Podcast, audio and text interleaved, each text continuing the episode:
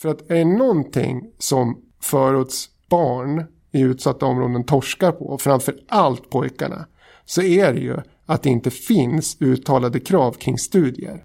Utan att det finns en massa annat som låts gå före. Och det handlar inte bara om föräldrarna utan skolorna, skolan är snabb att skapa ursäkter för brist på prestation. Jag menar att när stödet är där, då behöver vi, då behöver vi jobba också. Och jag tror att man ljuger för ungdomarna om man sänker ribban. För att min uppfattning i alla fall, att det man egentligen behöver göra är att höja ribban ännu mer. Av er som har lyssnat på podden över en längre tid kanske redan upptäckt att jag har ett starkt intresse för att diskutera ledarskapsfrågor med rektorer. Därför blir det extra roligt när en speciell rektor hamnar på min radar. Dagens gäst har lång erfarenhet med att arbeta både som lärare och rektor i utsatta områden. Idag diskuterar vi hur vi kan skapa en pluggkultur bland pojkar, hur vi aktiverar föräldrar som inte är delaktiga och ungdomskriminalitet. Han heter Mikael Östling Uchta. Han är lärare och rektor. Temat för dagens avsnitt är att skapa resilience hos barn. Du lyssnar på podden Pedagogik och ledarskap och mitt namn är Hedi Mubaras.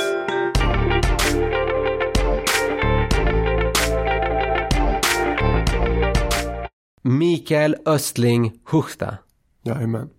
Toppen uttal. Ja, det är 100, 100 av 100. Du är lärare, mm. du är rektor. Mm.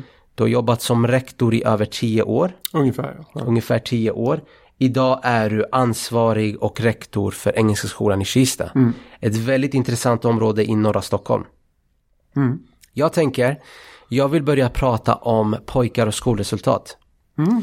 För jag tror många inom, som inte är i skolans värld har inte, har inte riktigt hängt med i utvecklingen. Man ser en väldigt negativ utveckling för speciellt vissa typer av pojkar inom skolans värld. Mm. Och de underpresterar across the board i princip i alla ämnen. Mm. Så min första fråga är följande. Hur hamnar vi i den här situationen? Ja, det finns väl flera svar på det. Min, min, version skulle väl vara att vi behöver börja med vad vi var innan vi hamnade i den här situationen. Eh, vi är ett land som inte har varit i väpnad konflikt på hundratals år. Vi har haft en hyfsat homogen befolkning med ungefär, åtminstone föreställningsvis, jämlikish förhållanden. Vi har sen eh, hamnat i ett läge där vi inte har det längre på grund av att det har varit kaos och konflikt runt om i världen. Eh, där vi, eh, som, som, som sig bör, har tagit vårt ansvar med ett land med goda möjligheter eh, och, och välkomnat en massa nya medborgare. Eh, i det så har vi inte lyckats att skapa samma förutsättningar för många pojkar. Det, det gäller ju inte bara pojkar i, i, i, utsatta förortsområden. Det gäller också pojkar på landsbygden eh, och i andra delar. Men starkast lyser ju pojkar i förorten med sin akademiska eh, frånvaro. Liksom, oh ja, och om jag bara får pausa där. Mm. Vad, jag, vad jag tolkar man kategoriserar som invandrarpojkar och arbetarklasspojkar. Ja, vad jag läste. Det skulle jag också säga att det är. Eh, om man, om man tar så att säga, klassperspektiv och, och, och eh, bakgrundsperspektiv. Eh, när vi inte hade de här, om man får kalla det för extremerna, eh, det kanske inte är extremer, men för att göra det enkelt. Eh, när vi inte hade dem i vårt system, eh, när vi åtminstone på ytan till synes var homogena, så kunde vi föra en pedagogisk dogm som lutade sig mot att alla kommer att få jobb ändå. Vilket innebar eh, att det inte blev synligt, skulle jag säga, förrän det var för sent. Att vårt sätt att ta oss an eh, fostran och utbildning för elever som var sämre rustade från början eh, inte fungerade. Eh, och nu är vi där av många olika skäl. Vi är där på grund av ökad kriminalitet, på grund av ökad fattigdom, på grund av trångboddhet. Alla de här faktorerna som alla som någonstans har vistats runt omkring eh, de här områdena känner väl till. Eh, ett av problemen handlar om hur vi värderar utbildning och hur vi värderar lärande. Ett annat av problemen handlar om diskrepansen mellan skolans och föräldrars roll eh, och tydligheten kring hur ansvar för barns eh, uppfostran och utbildning ska fördelas eh, därför är vi där. Och sen kan vi då lägga till att, att det, det finns ytterligare aspekter som handlar om att eh, pojkar, framförallt i utsatta områden där, där jag får många ifrån, de är inte rustade för skolan heller av många olika skäl. Eh, och det handlar såklart om språket, eh, framförallt om språket. Men det handlar också om att vi i Sverige har haft, eller är, ett, ett, ett folk som, som, som eh, gärna inte vill instruera direkt till människor hur man förväntas svara. Det finns mycket tyst kunskap i Sverige, skulle jag säga. Och den har vi inte förmedlat på ett begripligt sätt i bästa fall, eller inte på något sätt eh, i, i, många fall. Eh, och det gör att framförallt pojkarna eh, hamnar efter, eh, skulle jag säga. Det är intressant det här nämner med arbete i fabrikerna. Mm. Jag tror också det är en väldigt stor påverkan för du vet arbete är identitet. Mm. Förr kunde man bara, även om Heddy, eleven i mitt klassrum, inte får godkänt, det kommer lösa sig för honom ändå, för han kommer kunna skapa en identitet med arbetet han får på mm. fabriken sen. Så, och det hade faktiskt Gustaf Fridolin nämnde liknande resonemang. Men jag har en fråga, har det med att vi har lägre förväntningar på pojkarna än flickorna? Jag tror inte om viet är samhället i allmänhet så skulle jag säga ja, det tror jag absolut att det har det att göra med. Men det handlar också om att, att pojkarna kommer undan med beteenden som skulle vara oacceptabla för flickorna. Eh, och det gör tillsammans med att i de, i de här områdena så är det ju ofta så att, eller ofta så, det är ju så i alla områden skulle jag säga. Eh, att unga människor ser upp till de som är närvarande i närmiljön. Eh, på samma sätt som, som Ronaldo är närvarande i tv-spelet eh, och på Champions League-programmen så har du äldre ungdomar som är närvarande på fritidsgården och på, på, på, eh, i, i, i, området så att säga. Som blir förebilder på grund av sin konstanta närvaro. Det är, eh, det, man kan se det som att det du exponeras för vill du bli. Eh, och det är väl därför ganska, ganska, ganska många pojkar inte vet om att man kan bli eh, eh, civilingenjör till exempel i de här områdena. Om de inte exponeras för att det finns yngre män som, eh, som studerar till eh, som studerar till civilingenjör. Så att säga. Utan det man ser är det som man konstant blir konfronterad med. Vilket innebär att det är mycket lättare att inte förstå utbildningsvärde. Skulle jag säga. Intressant det där med att man blir exponerad för ett problem med de här speciellt utsatta områdena är folk flyttar. Mm. Alltså jag själv är ett exempel. Alltså du flyttar från området så fort du får möjligheten. Mm. Och jag hade en intressant diskussion med min kompis som är ung förälder. Mm. Och jag ställde den här frågan. Jag sa nu är er son typ ett år, men när den ska börja högstadiet, det finns ju en avvägning. Om man lägger, för båda är välutbildade, välbärgade, om du lägger pojken i ett utsatt område, den kan vara med, inte bara om det är fler som gör det, den kan vara med och lyfta du vet, den här eh, gruppkulturen i klassrummet. Ja men min pappa jobbar med det här och så vidare, att man får, man blir exponerad som du säger. Eller att man lägger den i ett mer välbärgat område. Och svaret jag fick var sant och lite skrämmande. Och han sa, du vill inte äh, experimentera med ditt barn? Nej. Problemet blir ju att det blir ingen exponering. Det blir de här bubblorna för man vågar inte ta det här steget. Nej men samtidigt är det så här, det betyder ju inte att den här vännen som du har inte bryr sig om det utsatta området. Det är bara att den bryr sig lite mer om sig själv. Och det är så människor fungerar. Alltså jag tror ju också att, att jag förstår ditt resonemang. Jag kan väl tycka att det, in, det inte är barnens ansvar att lyfta varandra i klassrummet. Jag skulle ju tycka snarare att det handlar om att man behöver ha ett system där utbildningsvärde blir tydligt från början. Eh, det finns ju saker som man skulle kunna göra som skulle kunna till exempel öka språknivån på småbarn så att de snabbare kan komma upp i nivå i grundskolan. Så att de får bättre möjligheter. Eh, mängden barn som inte går i förskola i utsatta områden. Är ju, det största problemet där är ju för barnen själva. de hamnar efter redan från början. Och de eleverna kommer ju få kämpa jättemycket för att komma ifatt. Eh, och det här, det finns ju också någon sorts i min mening missriktad välvilja kring eh, där vi pratade om låga förväntningar. Att man, man från, från samhällets sida eh, vill hjälpa genom att visa acceptans för, för val som föräldrar gör. När samhället kanske i min mening hellre skulle vara tydligt med att så här fungerar det. Ditt barn går i förskola. Det är en del av skolgången. Alltså obligatorisk förskola för mig vore ett stort steg till exempel för att höja svenskkunskaperna eh, bland, bland barn i utsatta områden. Vilket skulle innebära att de skulle få mycket bättre förutsättningar i grundskolan.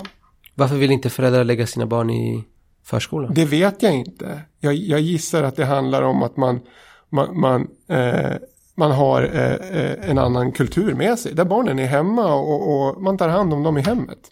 Det är ju inget konstigt om man kommer från länder med, med, som inte har en utbyggd eh, barnomsorg. Att man tar, det är ju det mest naturliga sättet att ta hand om barn, är att ta hand om dem i hemmet.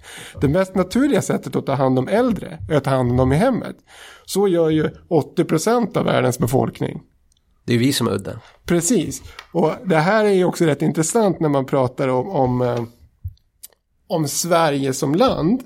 Eh, där vi ofta pratar om att vi är ett land som, som, eh, som har kommit väldigt långt. Eh, och jag tänker inte lägga mig i någon värdering i det, men jag kan konstatera att vi kanske borde säga att vi är en outlier. För att, för att, att komma långt, det är inte nödvändigtvis samma sak som att vara det bäst utvecklade. I andras ögon åtminstone. Eh, och det där, tycker, det där brukar jag fundera ganska mycket på. Det är intressant vår egen självbild är intressant att, att reflektera kring. Eh, jag läste den här lilla rapporten och pluggkultur är någonting som kommer upp ofta. Och det handlar om att det oftast inte finns hos de här två grupperna, vi sa arbetarklasskillar och invandrarkillar, att det inte finns någon gedigen eh, pluggkultur mellan dem. Hur hanterar man det som rektor? Jag har försökt hantera det på samma sätt som jag hanterade det i en högpresterande akademisk nivå i, eller kontext i Uppsala att mata på med utbildningsvärde både i ord och handling. Läxor varje dag och, och, eh, och en, en, en, kravbild på eleverna som är tydligt specificerad. Det vill säga att det här är lektion. Du ska arbeta. Det är det enda som spelar någon roll. Vad du tycker om vädret, Real Madrid eller eh, din kompis nya flickvän är helt irrelevant under de här 60 minuterna. Funkar inte det så måste du rätta in dig i ledet. Och, och det här är, kan man ju tolka som att jag är liksom ointresserad av att eleverna ska kunna få ett socialt samspel. Så jag skulle säga att det sociala samspelet är det enda de ägnar sig åt. Så att de behöver inte ägna sig åt det på lektionerna. De behöver ägna sig åt lärande. Och det är jätteviktigt för mig i, i kombination med läxor och stöd för att göra läxorna. Jag är inte naiv. Jag vet att väldigt många barn i utsatta områden inte har möjlighet att göra läxorna hemma. Det finns ingen plats att sitta etc. etc. Då måste vi skapa förutsättningar för det. Men när vi har gjort det, då måste kraven vara detsamma för dem som för ungarna på Norrmalm. För att är det någonting som förorts barn i utsatta områden torskar på, framför allt pojkarna, så är det ju att det inte finns uttalade krav kring studier. Utan att det finns en massa annat som låts gå före. Och det handlar inte bara om föräldrarna utan skolorna, skolan är snabb att skapa eh, ursäkter för brist på prestation. Jag menar att när stödet är där, då behöver vi, då behöver vi jobba också. Och jag tror att man, man, man, man ljuger för, för, för, för ungdomarna om man sänker ribban. För att min uppfattning i alla fall, att det man egentligen behöver göra är att höja ribban ännu mer. För att då kommer en stor andel av dem att lyfta sig. Eh, man ska inte komma ihåg att barnen får, eller man ska komma ihåg att barn är formbara. Om du har 20 elever i en klass och 12 börjar göra läxorna. Då kommer 13-14 göra läxorna till slut. Kanske 16. Och då har man också möjligheter att ge stöd åt dem som fortfarande inte gör läxorna. Men pluggkultur kan bara skapas genom handling. Och det där är något som, som också hänger otroligt väl ihop med hur hjärnan fungerar.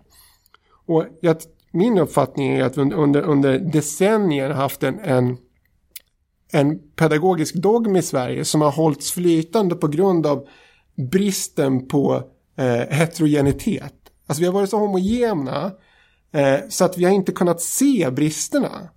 Men nu när det blir mer, mer, mer eh, när det blir mer heterogent, så att säga, vi blir, vi blir mer olika, då är det så tydligt att det funkar inte med eh, att det ska kännas bra hela tiden och om man inte orkar så behöver man inte göra. Utan man måste göra hela tiden. Och det är ju någonting som bygger tolerans också. Eh, det finns ett, eh, Eh, ett engelskt ord som jag använder ganska ofta, resilience. Eh, någon sorts uthållighet liksom. Eh, och det där kan bara byggas genom att öva på resilience. Öva på din uthållighet. Du blir ju inte duktig på att springa 10 km genom att alltid springa 2 km. Då har du 8 km kvar varenda gång. Och, och det här är ju någonting som, som, som, som, ja, som jag känner ganska starkt att vi i Sverige behöver. Vi behöver bjuda in och ta del av och använda den forskning kring hjärnan som finns. Eh, och ett stort steg är att prata mindre om lust att lära och prata mer om behovet att underkasta sig saker som inte är så trevliga. Eh, för att det är där man lär sig. Eh, det var en man som sa till mig en gång att eh, lärande ska inte vara roligt. För att det är bemästrandet som är roligt.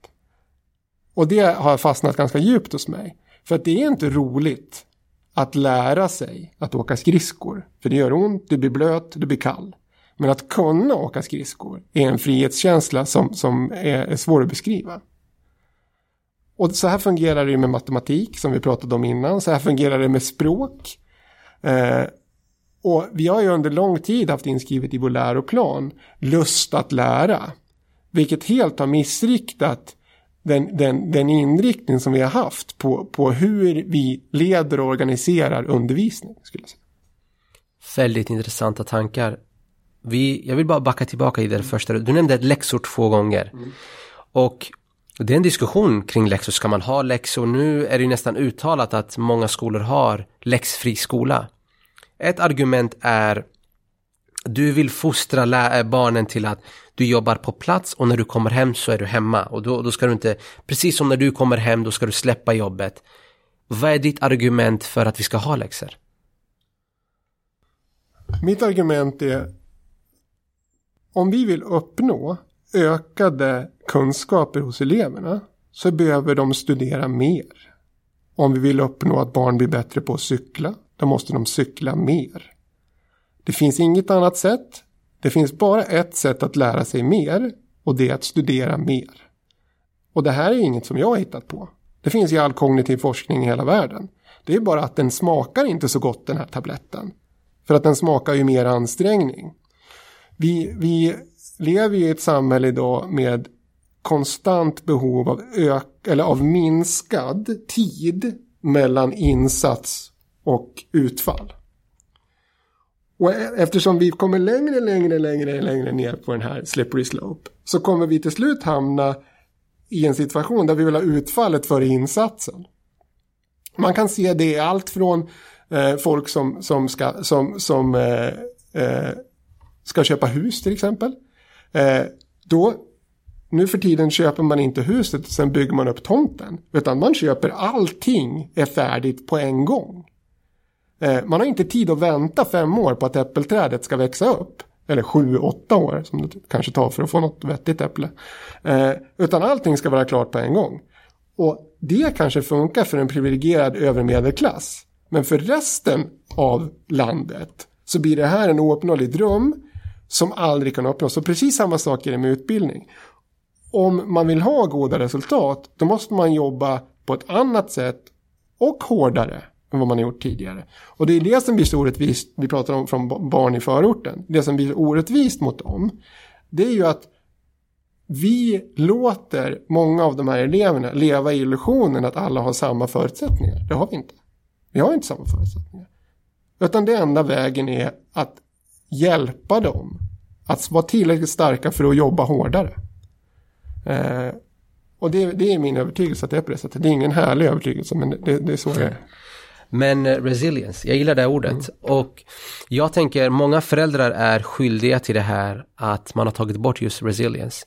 Jag har haft samtal med föräldrar som, som kanske påpekar att när man har varit mentor för någon att de tycker inte skolan är rolig eller de känner sig inte eh, triggade på något sätt att lära sig. Och jag tycker speciellt de senare generationerna, även min delvis också, har tappat lite där. För jag, jag tittar på min pappa. Alltså han gick varje dag i 20 plus år, än idag, och kör taxi. Inte för att det är roligt, inte för att han eh, är, blir kreativt triggad av det, utan man måste. Den delen känner jag att vi har förlorat lite. Mm. Nej, jag håller helt med. För det är samma sak, jag och min kompis, han, hans pappa är busschaufför, någons är, är så här, är lokalvårdare eller vaktmästare. Du gör det inte för att du är glad för att gå till jobbet varje dag. Vissa saker måste du bara göra. Nej, men, och I det fallet så handlar det om, om, om att kunna försörja sig själv och sin familj.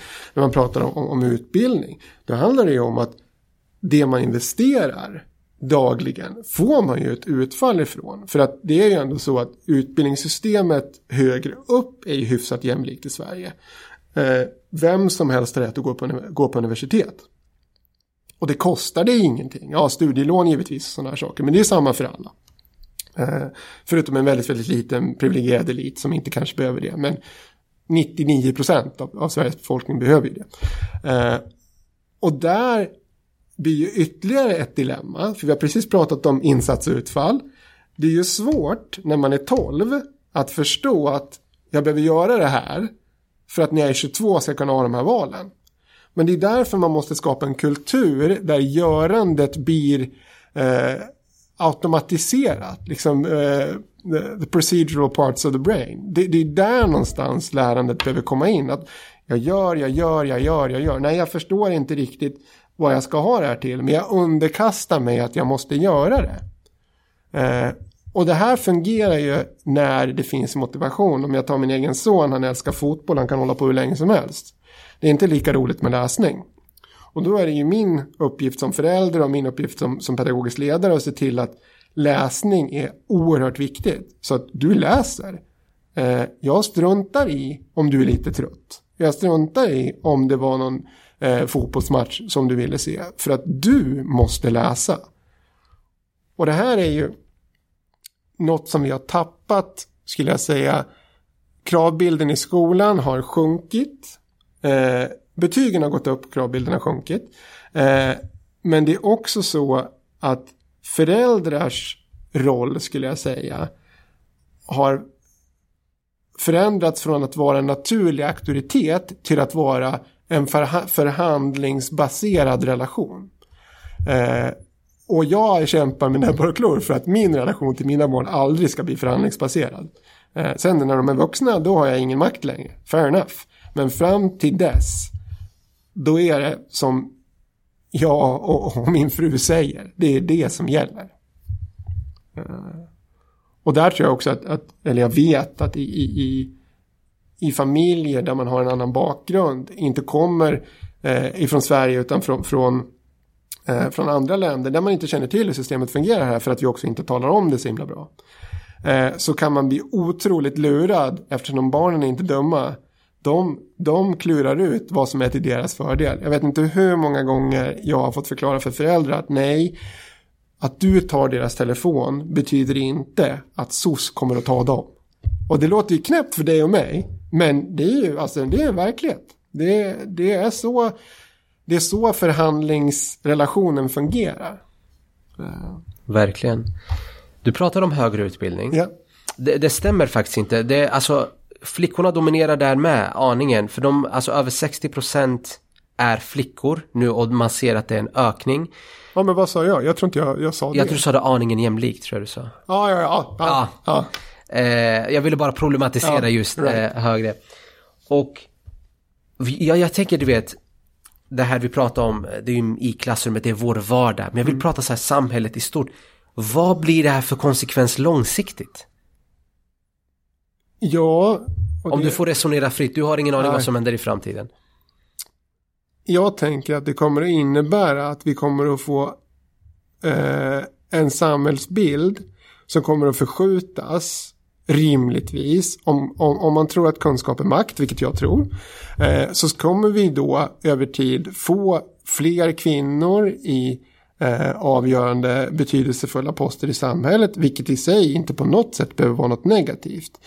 Det som kan vara negativt i den aspekten är ju att män har under lång tid abonnerat på makten och det kan bli någon sorts backlash kring att det finns ett massa arga unga män som inte får sin röst och sin, sin eh, kompetens erkänd någonstans. Och vill man problematisera det så tänker jag så här, so be it. Alltså, det är ju inte så att kvinnor ska stå tillbaks för att män inte presterar. Däremot så behöver man ju hitta sätt att få män, eller unga pojkar, att förstå vad de missar om de inte klarar av att ta sig igenom skolan på ett tillfredsställande sätt med den stöd och hjälp som ändå finns idag. Alltså det, det, det svåraste jag tycker det handlar ju om att det är svårt för någon som inte jobbar i de här områdena att begripa Eh, hur få de personerna är som har sån enorm negativ påverkan på hela området. Eh, för att när jag pratar med vänner och, och bekanta så, så, eh, så har ju de bilden som om att det är konstant totalt kaos eh, i, i de här områdena. Och det är det ju inte. Eh, utan det, som, det det handlar om är att det, det finns ett fåtal unga män med enormt makt eh, och våldskapital. Eh, som dikterar villkoren för hundratusentals människor i värsta fall. Och det är ju unga pojkar som främst sugs in i det. Och det där är nästan svårt att begripa. Hur ett sånt fåtal eh, människor kan ha en enormt stor negativ påverkan för så många. Ja, och sen för att eh, titta just på den sista bilden du beskrev där att det är fåtal människor. Nu eh, pratas det mycket om hårdare tag och så vidare. Jag, eh, jag har inget emot att det ska vara hårdare straff. Men jag tycker debatten kan ibland bli lite förenklad. För vad folk inte förstår är de här personerna du pratar om som har våld och maktkapital. Det, om de försvinner så finns det alltid människor som kommer ta deras plats. Det finns alltid minst två som står redo och den som har störst våldskapital kommer vinna. Mm. Och det är där problemet är som jag tror man missar ofta i debatten. Absolut, ta bort dem, lås in dem. Men det finns alltid människor, för det är som det är en rätt fin position ändå. Du äger ett område. Och, och är du ung... Alltså makt är attraktivt absolut, för alla. Ung, man, full med testosteron, är girig, toppen. Så det kommer alltid finnas människor som fyller på. Och där kommer vi tillbaka till det när du sa eh, kunskap är makt. Mm. No, jag tänker bara, det som är, det som är intressant också med, med just den, eh Eh, den delen att, att det, det, du säger att det fylls på att folk pratar om hårda straff. Alltså jag, jag tror att vi har kommit till en punkt nu där åtminstone jag känner att den rehabiliterande kriminalpolitik som vi har, den ska vi inte göra oss av med. Men vi behöver komplettera den med skydd för allmänheten. För att jag tror att det Å andra sidan många som propagerar för, för mer av tidiga insatser och så vidare missar.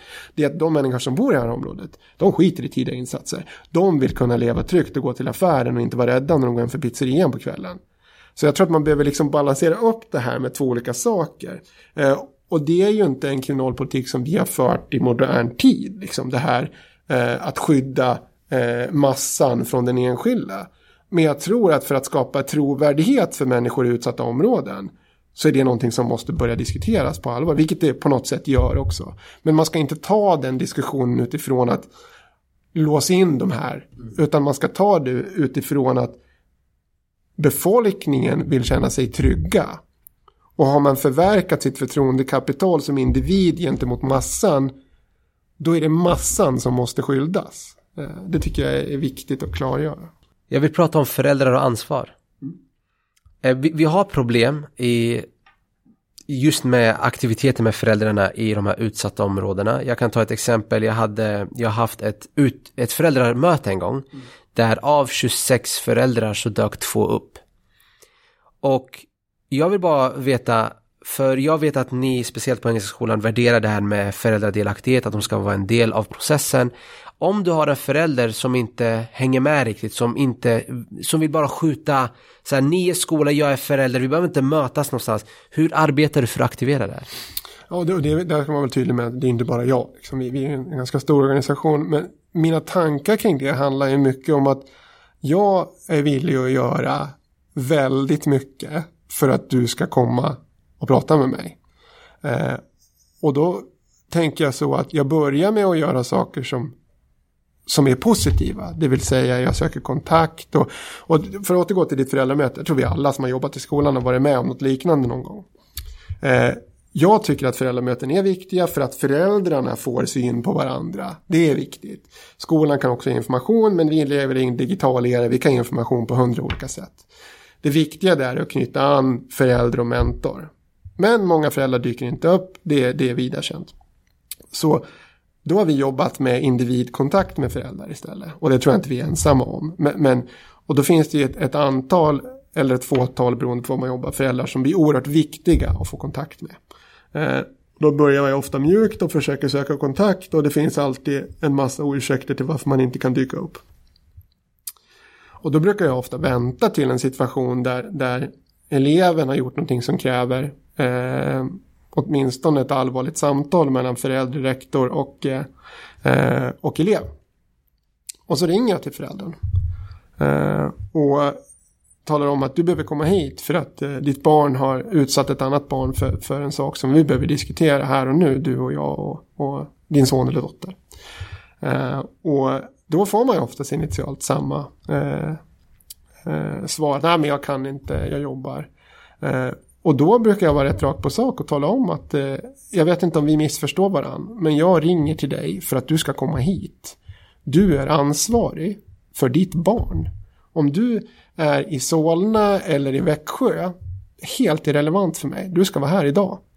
Eh, då blir det oftast en konflikt. Men det finns inget som är så effektivt för att få en människa att mötas face to face som att skapa lite aggression. De dyker alltid upp. Och då brukar jag alltid börja med att be om ursäkt för att jag var så otrevlig på telefon. Men vi nådde inte fram till varandra. Men nu kanske vi kan lösa problemet. Det här är det som har hänt. Det, det, är kanske inte det mest smidiga sättet att göra saker på. Men jag har liksom inte tid att vänta på att folk ska tycka att det är passande. Alltså det, det, det är för barnets skull vi gör det här. Det är inte för att jag ska eh, känna mig duktig. Om inte barnet har någon sorts idé om att föräldern bryr sig om vad som händer på skolan. Varför har vi då ens kontakt? Då kan vi lika gärna sluta med det och så styr vi upp vad vi tycker är bäst för ditt barn och sen så får väl du göra vad du vill. Eh, och det är ju inte förenligt med varken lagstiftning eller något annat. Så jag försöker alltid hitta sätt som är effektiva. Och, och, jag brukar ofta tänka att om det gör lite ont i början så kommer man ihåg det bättre. Alltså det första getingsticket man fick, det kommer man ihåg för det gjorde ju svinont. Liksom. Jag är intresserad av att få saker att fungera. Eh, och ibland så hamnar man ju snett när man gör som jag gör. Eh, men då får man be om ursäkt. Eh, och vara ärlig med det. Och, och, det här var min avsikt, det blev inte så. Men, men, men, jag försökte göra så här för att jag behövde ha det här resultatet.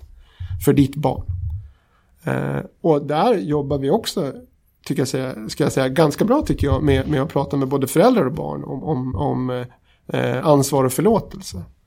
Eh, att gör man någonting fel, men man tar ansvar för det, då är jag beredd att förlåta väldigt mycket. Eh, och det tycker jag är en kultur som man ska fostra att göra fel, att fela är mänskligt. Men att inte ta ansvar, det är helt oacceptabelt. Och det är när man tar ansvar för sina, sina stora misstag som man faktiskt växer som människa för den kärlek man får genom förlåtelsen. Det är min övertygelse i alla fall. Det står inte i någon läroplan. Men... Nej men det var fint sagt ja. ändå. En annan del är det här med uppfostran. Det är en intressant diskussion. Diamant var ju med i, den här, i det här programmet tidigare och vi diskuterade det här med fostranansvar.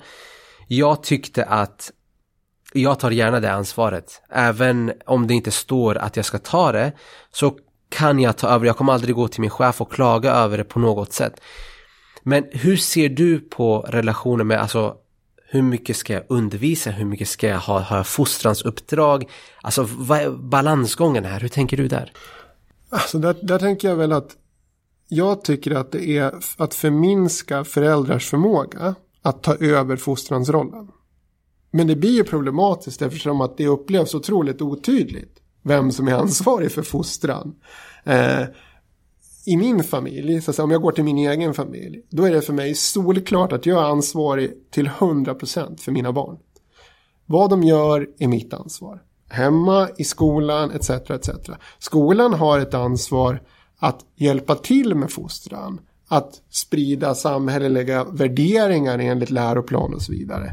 Men tillrättavisningar och konsekvensutsättning utöver det som skolan kan ge, det måste föräldrarna göra. Eh, och där så, så, tycker väl jag att min bild är att eh, det vi var inne på tidigare, den här, så här förhandlingsrelationen. Många föräldrar idag, oavsett ursprung, är som rädda att göra sina barn ledsna. Och jag begriper inte det riktigt om jag ska vara helt ärlig.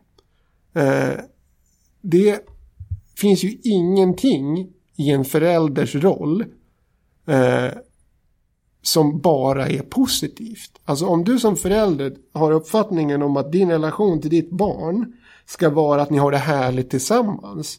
Då borde du ha skaffat dig tv-spel istället. För det kan man ju stänga på och av när man vill.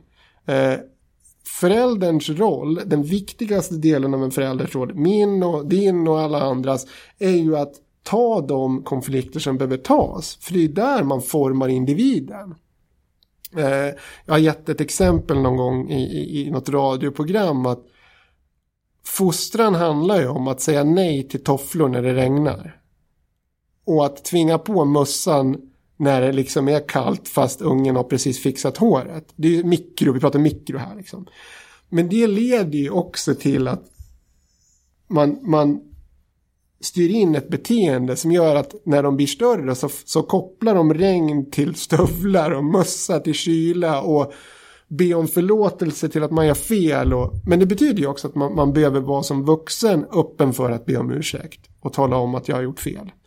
Eh, men jag tror inte att där, jag tror inte att det är där skon klämmer för, för, för, för föräldrar idag. Jag tror skon klämmer idag för att man inte vill ha konflikt, för det blir så jobbigt.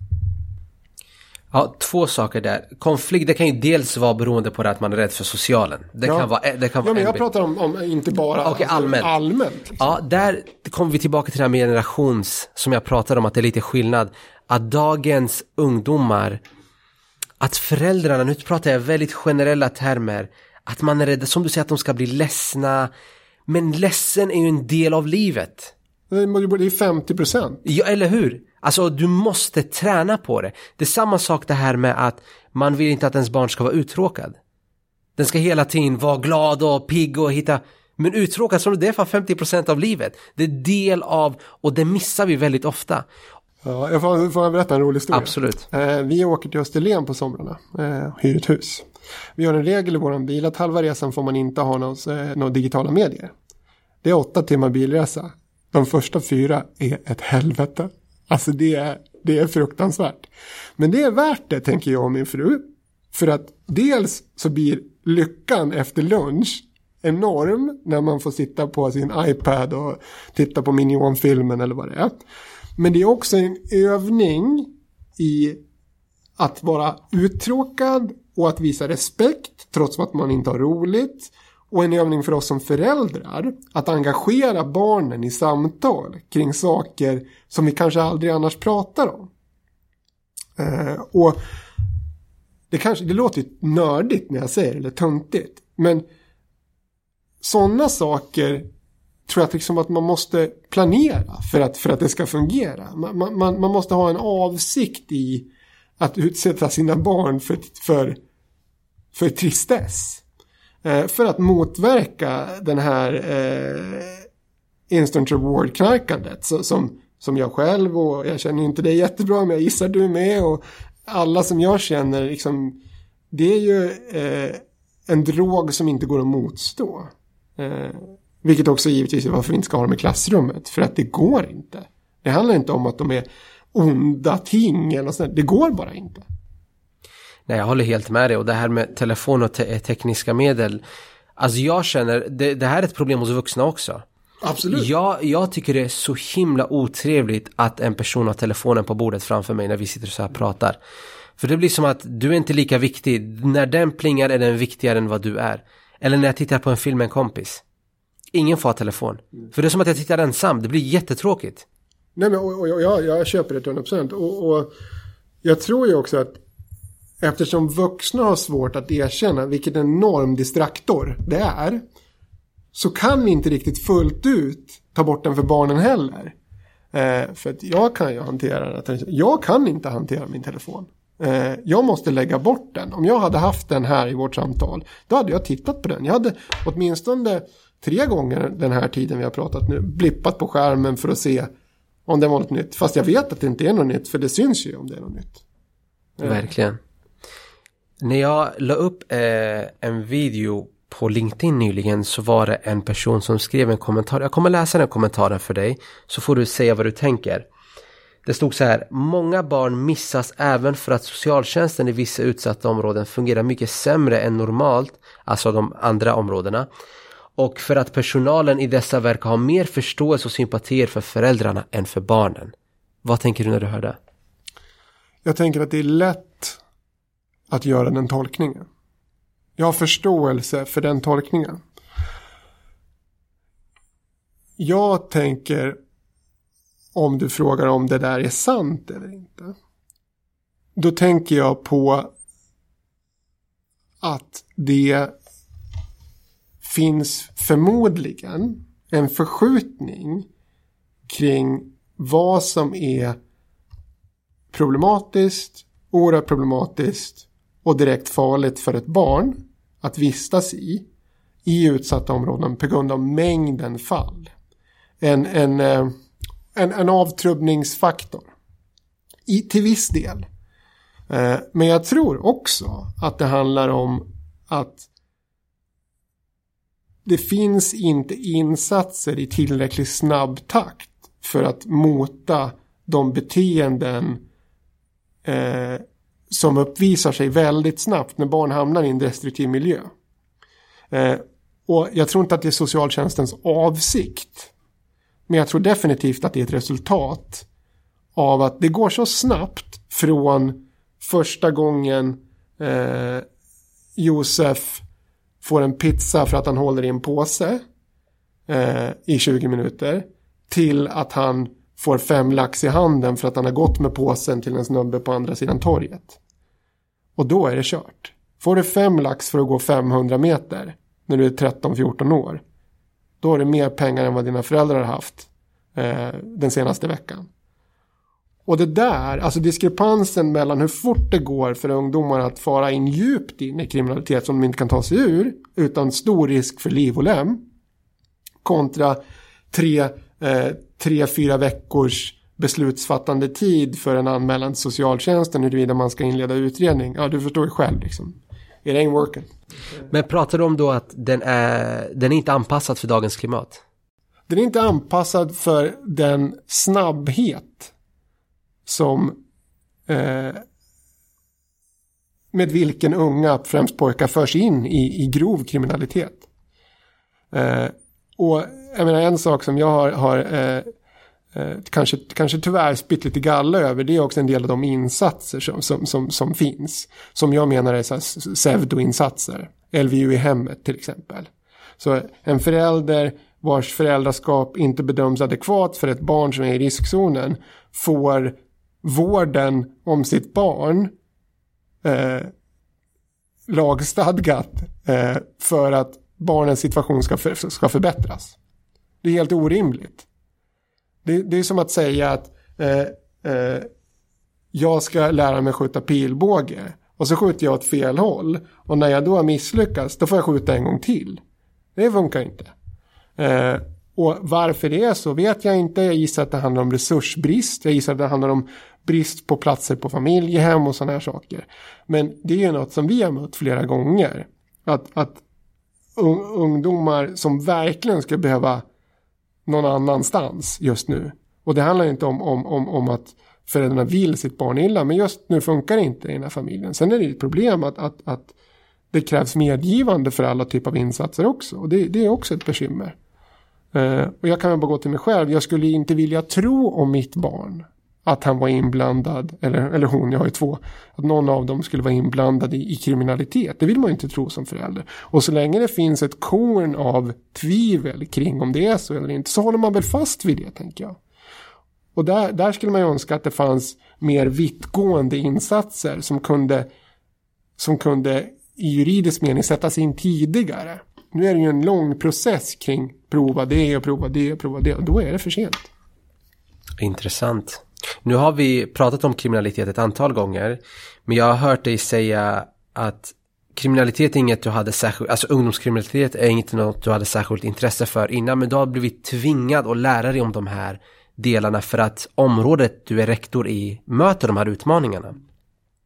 Så du är med i en artikel i Mitt i Stockholm och då är det några politiker som kommer till någon Rinkebyskola. Det var någon... Husbyskolan. Husbyskolan. Ja, Husbygårdsskolan. Ja. Så de möter ett antal rektorer, du var en mm. av dem. Och i den här artikeln så säger du, eh, nu har jag inte exakta citatet, men vad du menar är att det finns inget tydligt ledarskap här. Det finns ingen chef, alla har sina egna visioner och syften, men det finns ingen gemensam sådan. Kan du utveckla det lite? Ja, och jag tänker så här att i ett annat område så är det inga bekymmer. I Bromma är det inga problem att man kanske inte har någon gemensam eh, central ledare, vem det än är, som, som, som talar om hur det ska vara och så vidare. För att problemen är inte särskilt stora så det blir inga stora diskrepanser i utfall. Men i det området där vi arbetar så blir det katastrofalt när alla gör på olika sätt. Och det finns heller ingen som kan sätta ner foten och säga det här är det som vi kommer att göra nu. Jag förstår att du inte tycker att det här är rätt. Men det blir så här nu. För det skulle innebära att man får mer kraft i sina insatser. Om alla gjorde på samma sätt. Oavsett hur man gjorde. För det finns det också forskning kring. Så länge många gör på samma sätt. Så kommer det bli bättre än vad det var. För att man upplevs också komma någon vart. Eh, och det här är ju, tycker jag också, ett symptom på att i Sverige så, så, så finns det ju liksom en, en att vara chef i Sverige, det är nog fult. Liksom.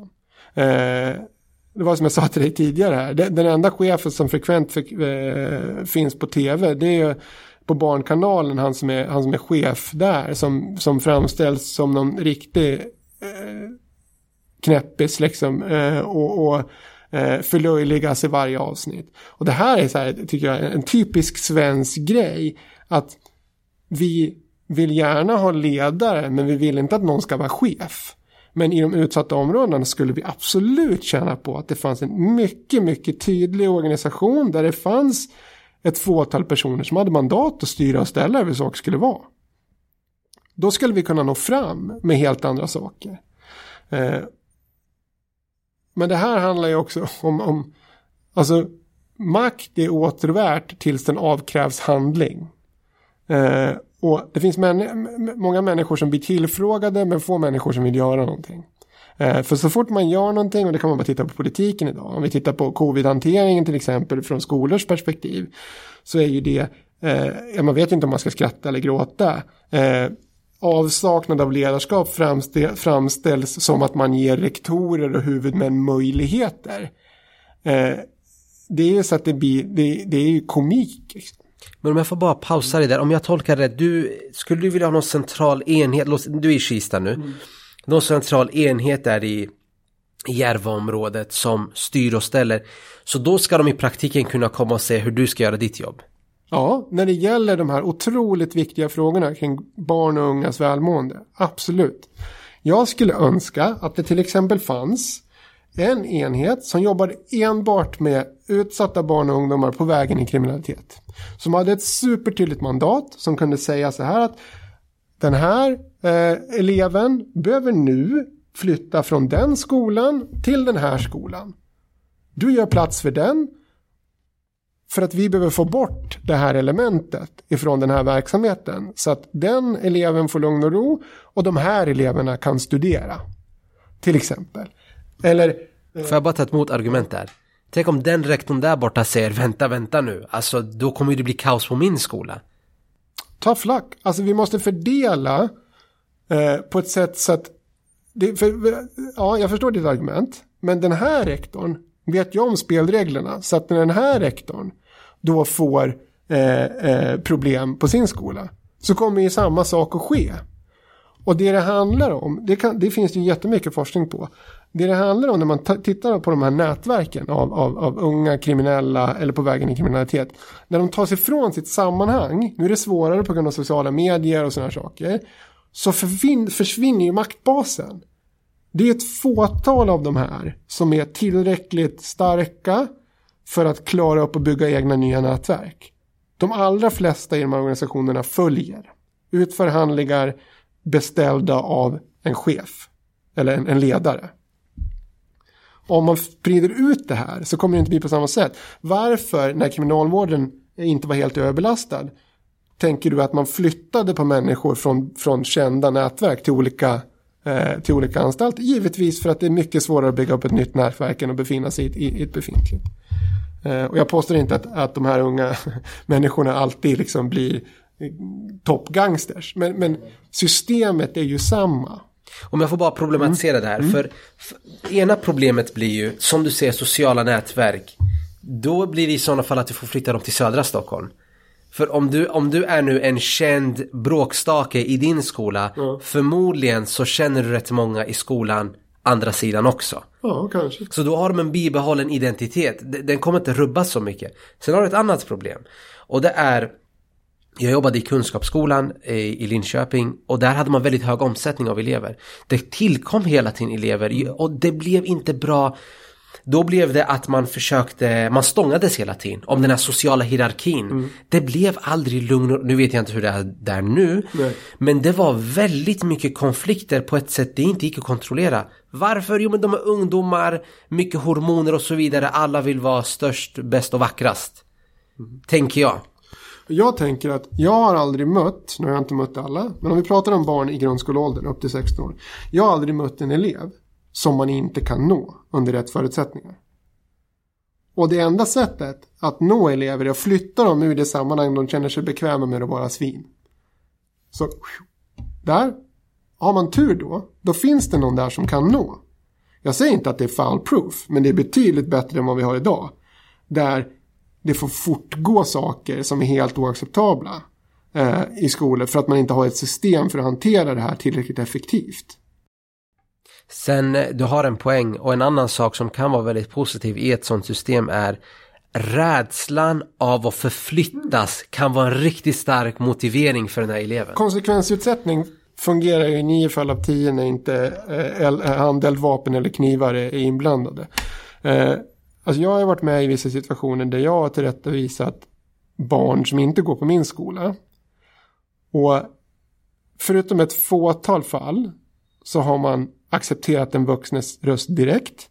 När man inte har accepterat den vuxnes, vuxnes röst direkt eh, så har man efter ett samtal, jätteobekvämt samtal givetvis för, för, för den här ungdomen, begripit att nej, jag kränkte inte dig när jag sa till dig att flytta dig till andra sidan gatan. Utan jag talade om för, mig, för dig att det här utrymmet, det är mitt. Du får vara på det utrymmet. Det är allas. Det är inte att kränka dig. Att kränka dig, det är att säga att du är ful, tjock eller någonting annat. Liksom. Eh, jag talar bara om för, mig vad som, för dig vad som gäller i mitt utrymme. Det är min rätt och mitt ansvar. Jag hade gjort samma sak om du var min son Därför ber jag dig gå på andra sidan. Och där har vi också en, en, en intressant aspekt tycker jag. Att konsekvensutsättning behöver tränas också. Många unga pojkar framförallt, men även flickor i de, i, i, som hamnar i de här situationerna. De har inte fått tillräcklig konsekvensutsättning av vuxna sedan tidig ålder. Av många olika skäl. Föräldrarna jobbar, eh, eh, det finns problematik av alla möjliga slag. Så vuxna har inte varit närvarande och erbjudit det stödet som konsekvensutsättning innebär. Intressanta tankar som får avsluta dagens samtal. Superintressant Mikael. Eh, förhoppningsvis har vi något samtal i framtiden igen. Tack så mycket. Tack för att vi kom hit. Tack. Jag vill tacka dig som har lyssnat, delat våra inlägg eller supportat podden på ett eller annat sätt. Jag vill även tacka Mikael som åkte ut till Norsborg för att träffa mig idag. Glöm inte att titta till min Facebook och YouTube-sida. Där kommer stora delar av samtalet att publiceras i videoformat. Vi ses snart igen.